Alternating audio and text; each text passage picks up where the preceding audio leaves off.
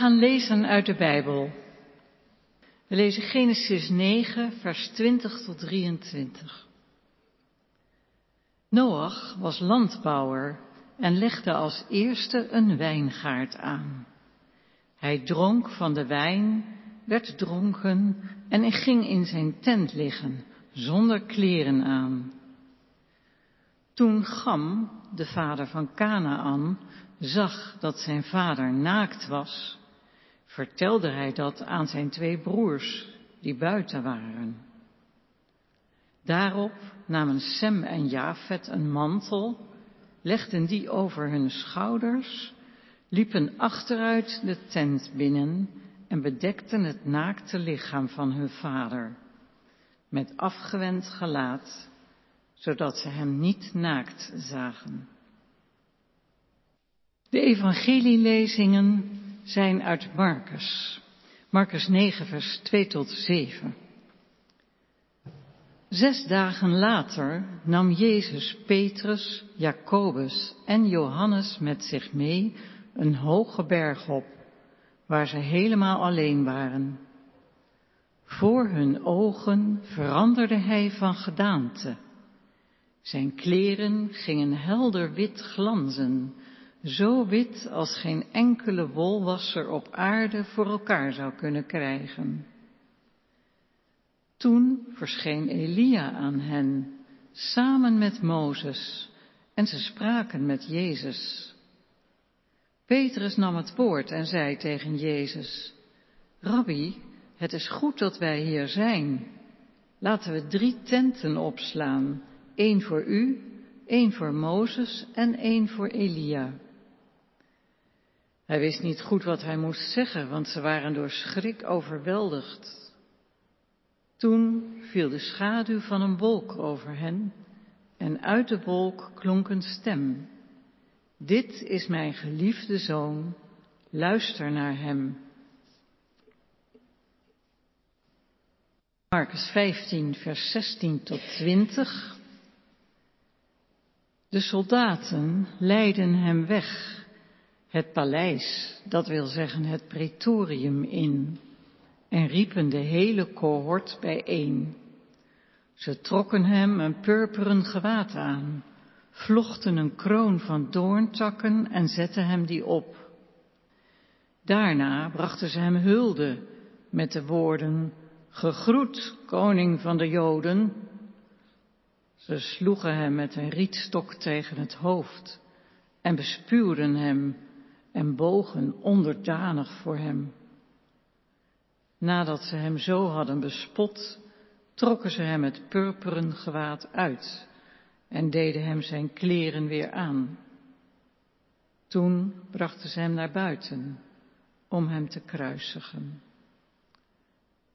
Zo luidt het woord van de Heer, lof zij u Christus.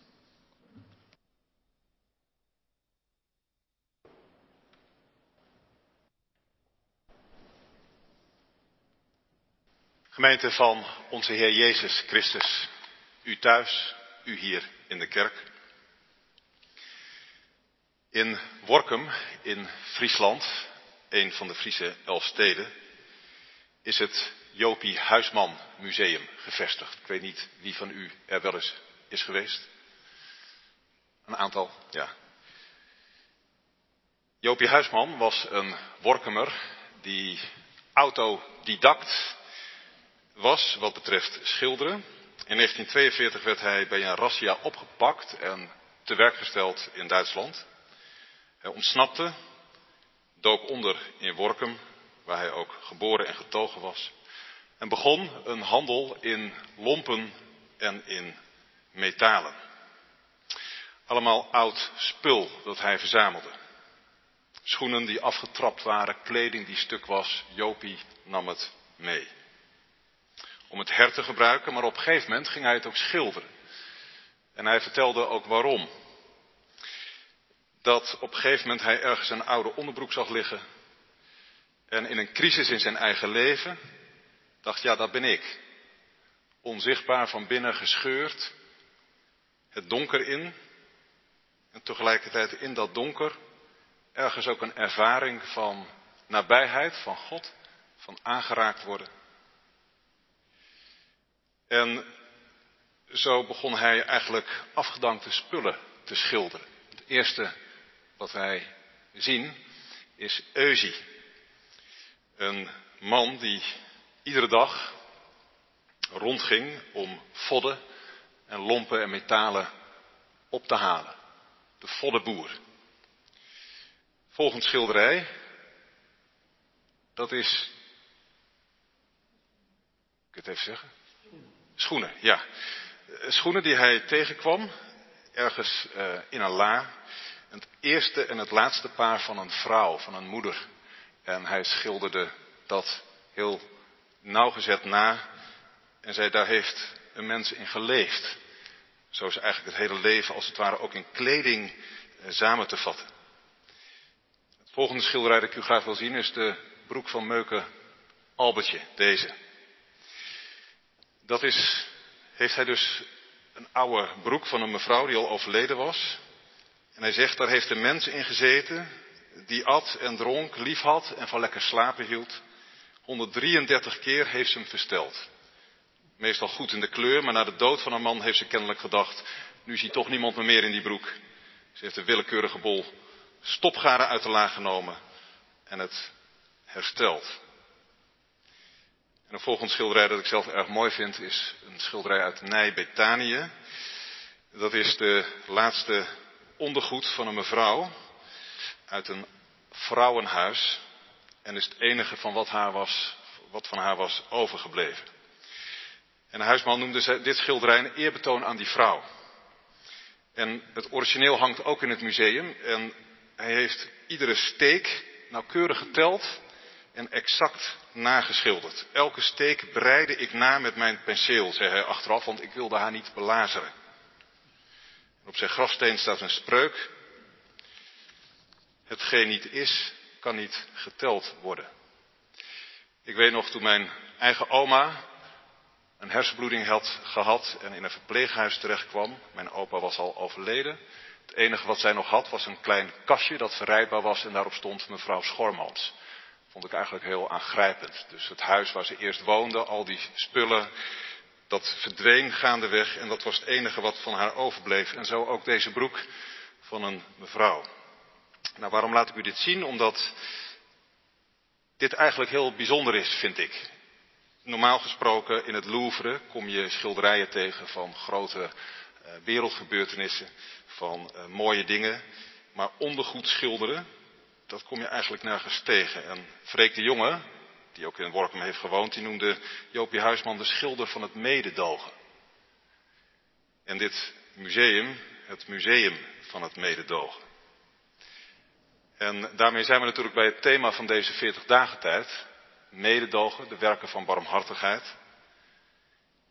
Al eerder gezegd, dat is dus niet, dat is niet een soort liefdadigheid, maar het gaat om een bepaalde manier van zien. Hetgeen niet is, kan niet geteld worden. Dat er iemand is die jou ziet, die alles telt tot in detail en die dan zijn blik niet afwendt. Iemand voor wie je in je ondergoed kan verschijnen. En dan niet in je mooiste ondergoed, maar in het ondergoed waar misschien gaten in zitten. Nou, dat is eigenlijk het verhaal van de Bijbel. Dat is het verhaal van de God van Israël. Hoe hij de God van het mededogen is. En dat begint met zien. Hoe kijk je?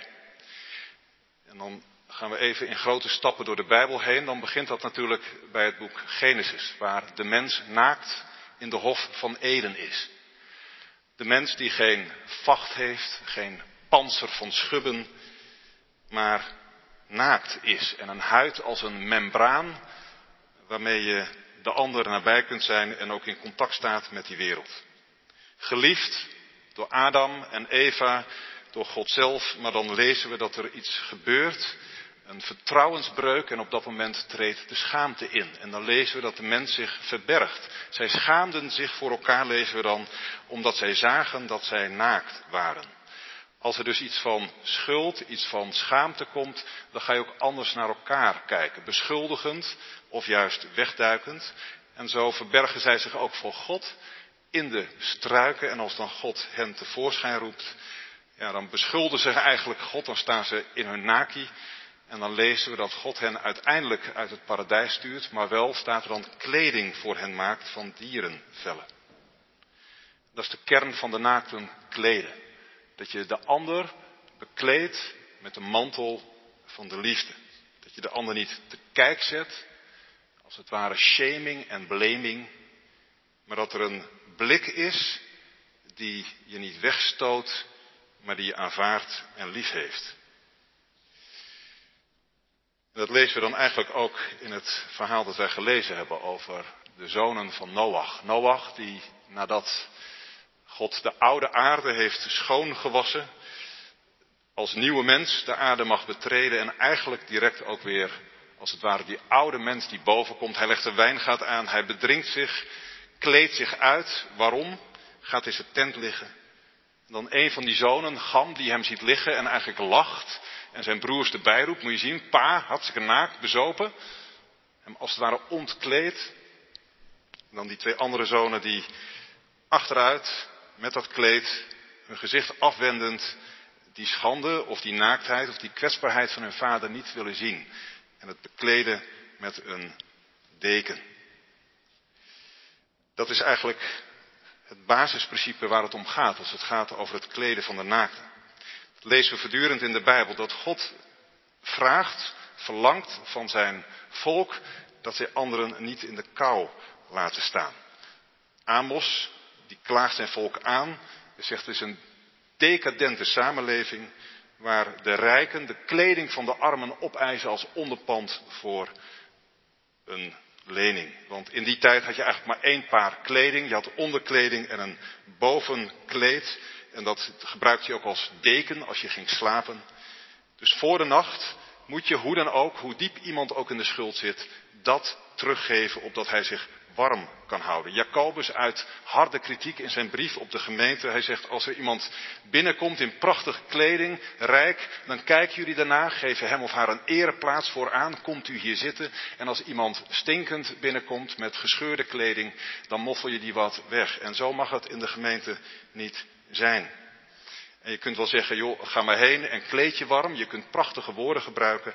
Maar als je niet daadwerkelijk die ander ook geeft wat hij of zij nodig heeft, dan is het Dan is het uiteindelijk leeg. Hele concrete oproep. Die je tegelijkertijd natuurlijk ook wel een beetje machteloos kan maken. Want wat betekent dat nu vandaag de dag? Waarin eigenlijk kleding niets kost. Waarin overvloed is. Ja, ik denk in ieder geval dat het waarderen van kleding, wat je hebt, zorgvuldig ermee omgaan. Maar ook misschien juist dat je in acht nemen. Als je weet wat voor een aanslag het betekent, uiteindelijk ook op de schepping, op het milieu. Ehm, kijken of de ander iets nodig heeft, maar misschien ook de grootheid om zelf ook kleding van een ander te ontvangen. Dat is nog niet eens zo heel gemakkelijk. Het doorgeven van kleding, kinderkleding, is natuurlijk ehm, een soort goed gebruik. Maar dat je als het ware ja, je ook laat kleden door die ander. En dan niet alleen fysiek, maar ook figuurlijk. Want als we het hebben over naaktheid, over kleding, ik zei het al, dan, dan heeft dat iets te maken met wie wij zelf ten diepste zijn. Adam en Eva, die waren naakt en juist zo werden ze geliefd. Maar eigenlijk na die schaamte leren ze dat je eigenlijk alleen geliefd bent als je jezelf als het ware aankleedt. Als je je bekleedt met met iets wat voor die ander aantrekkelijk is. En mijn indruk is dat dat heel diep in ons zit. Ergens diep van binnen het gevoel dat we alleen als het ware waardevol zijn, eh, begerenswaardig of ook waard om liefde te ontvangen als we zelf ons kunnen kleden met onze successen, als we ons kunnen kleden met een bepaalde waardigheid, als we ons kunnen kleden met onze misschien morele leefstijl. En hoe verschrikkelijk het is als je als het ware ontkleed wordt, als je in je hemd wordt gezet, als je ontmaskerd wordt. En dat is misschien wel de diepste vernedering die een mens kan ontgaan. Volgens mij hebben wij een hele dubbele relatie tot naaktheid. Naaktheid is aan de ene kant een, een zuigkracht. Overal naakte mooie mensen op internet. Vanuit een soort kracht en vanuit een soort schoonheid. En tegelijkertijd het, het, het Het andere verhaal dat, dat bloot over het algemeen heel veel gêne oproept. Omdat het de mens laat zien in zijn meest kwetsbare gestalte. En in de oorlog komt dat het meest nadrukkelijk naar voren. Scènes in oorlogsfilms die natuurlijk gerelateerd zijn aan de werkelijkheid, waarin geklede soldaten in uniform een naakte mens in een concentratiekamp of eh, elders bij een pogrom voor zich stellen. En dan is eigenlijk ja, de boodschap, je bent niks, je bent anoniem. Zonder kleding heb je geen identiteit. Het onteerd worden. En zo wordt er een vrouw bij Jezus gebracht die op hete daad betrapt is, op overspel. Ze brengen haar bij hem. En dan willen ze eigenlijk dat Jezus een oordeel velt. En dan lezen we dat Jezus de mantel van de liefde om haar heen slaat en haar bedekt. En zegt wie zonde zonde is, werpen de eerste steen. Dat is de geest van God. Dat is het denken vanuit God. Dat betekent niet alles met de mantel der liefde bedekken. In de zin van eh, alles maar toedekken. Zeker als kerk moeten we dat niet doen. Ook met het verleden. Alle berichten over misbruik in de kerk. Zeker de waarheid moet aan het licht komen. Ook de naakte waarheid. Maar wel altijd in een relatie van één op één. Van liefde. Van zoeken naar herstel en niet die ander te kijk zetten. Hoe verschrikkelijk is het als je als meisje via WhatsApp of als jongen een naaktfoto van jou rondgaat. En daarom ook het besef, geef je niet zomaar bloot. Wees daar nou heel voorzichtig mee. Weet aan wie je jezelf laat zien. Geef je lichaam ook niet zomaar, want je kunt tot in het diepst van je ziel daar ook gekwetst worden. Je kunt beschadigd raken. Er moet eerst een dijk van liefde en van trouw omheen liggen voordat je dat als het ware kunt en durft. Het bijzondere is dat Jezus deelt in die vernedering. We hebben zojuist gelezen hoe hij op de berg verheerlijkt wordt. Dat van binnenuit Gods heerlijkheid in hem zichtbaar wordt en als het ware door zijn kleding heen schijnt. En vervolgens hoe Jezus wordt weggeleid in het paleis van Pilatus. En hoe hij daar voor 500 militairen komt te staan, het hele cohort. De zoon van God. En dan wordt hij uitgekleed in zijn naki. En dan wordt hem een purperen mantel omgehangen. En dan lachen ze hem uit. En dan zegt ze, kijk, jij denkt dat je koning van de Joden bent? Dan verkleden ze hem als een nepkeizer. Caesar had een purperen mantel om. En dan zeggen ze, je bent een keizer zonder kleren. Je valt verschrikkelijk door de mand. Ga toch heen. En een doornenkroon op zijn hoofd. Spot. Bijtende spot. Ontkenning van je identiteit. Als het ware een soort poging om hem uit te wissen. En dan die innerlijke kracht van Jezus, dat hij tegenover die spot en tegenover die massale groepsdruk, die zeggen, je zit ernaast, je zit ernaast. Dat hij vasthoudt aan zijn roeping, vasthoudt aan zijn identiteit. Ik ben Gods geliefde kind. En daarin wijst hij onze weg. U bent zoals u hier zit. Met alles wat u als het ware aan naaktheid met u meedraagt. U bent Gods geliefde kind. Geloof dat. En laat je dat niet afnemen door wat er in het leven gebeurt. En door misschien al die stemmen die jezelf ook aanklagen en die jezelf ontkleden en te kijk zetten. Kijk nou, je bent de keizer zonder kleren. Jezus gaat op weg. Hij wordt opnieuw uitgekleed, zijn eigen kleding krijgt hij aan en hij wordt aan het kruis gespijkerd. En op crucifix is hij vaak afgebeeld met een lendendoek, maar hij hing naakt, volkomen naakt, te kijk, bespot. Hoeveel kwetsbaarder kun je zijn? Hoeveel meer vernederd kun je raken? En weet u wat het hoopvolle is? Wat eigenlijk het prachtige is? Dat Jezus dat dus heeft gedragen. Dat hij bij mensen komt die zich zo als het ware zelf ook weten. Dat hij zich met hen identificeert. En dat hij dan helemaal niets meer heeft behalve het vertrouwen op zijn vader. Het geloof, vader, in uw handen beveel ik mijn geest. dan lezen we dat met Pasen hij verschijnt. Vanuit een nieuwe wereld, vanuit een nieuwe dimensie. En dat Jezus eigenlijk een spoor heeft getrokken door deze wereld. En dan lezen we bij Paulus, bekleed je met Christus. U bent wellicht gedoopt. Als kind. Was u zelf niet bij. En waarschijnlijk hebt u toen een witte doopjurk gedragen. En toen is al een belofte over uw en mijn leven uitgesproken. Hij bekleedt ons met de kleren van zijn heil, van zijn liefde. Wij mogen Jezus Christus als het ware zelf aantrekken. Zo kijkt God naar ons. Wij zijn al die nieuwe mens, die over die oude mens die ook in ons zit, wordt aangetrokken. En die nieuwe mens, die moet als het ware steeds meer in ons groeien. En als het ware helemaal, helemaal vereenzelvigen met wie Christus is. Zoals kleding iets uitdrukt van je identiteit. Het voelt fijn, je zoekt het uit. Het zit als gegoten, je lievelingstrui. Je zegt maar ten diepste is Hij mijn kleding. Ingroeien in Hem, in het nieuwe leven dat in ons groeit. De naakte kleden. Hij bekleedt ons met genade, met liefde, vergeving, met tegenspraak ook. Om ons te reinigen.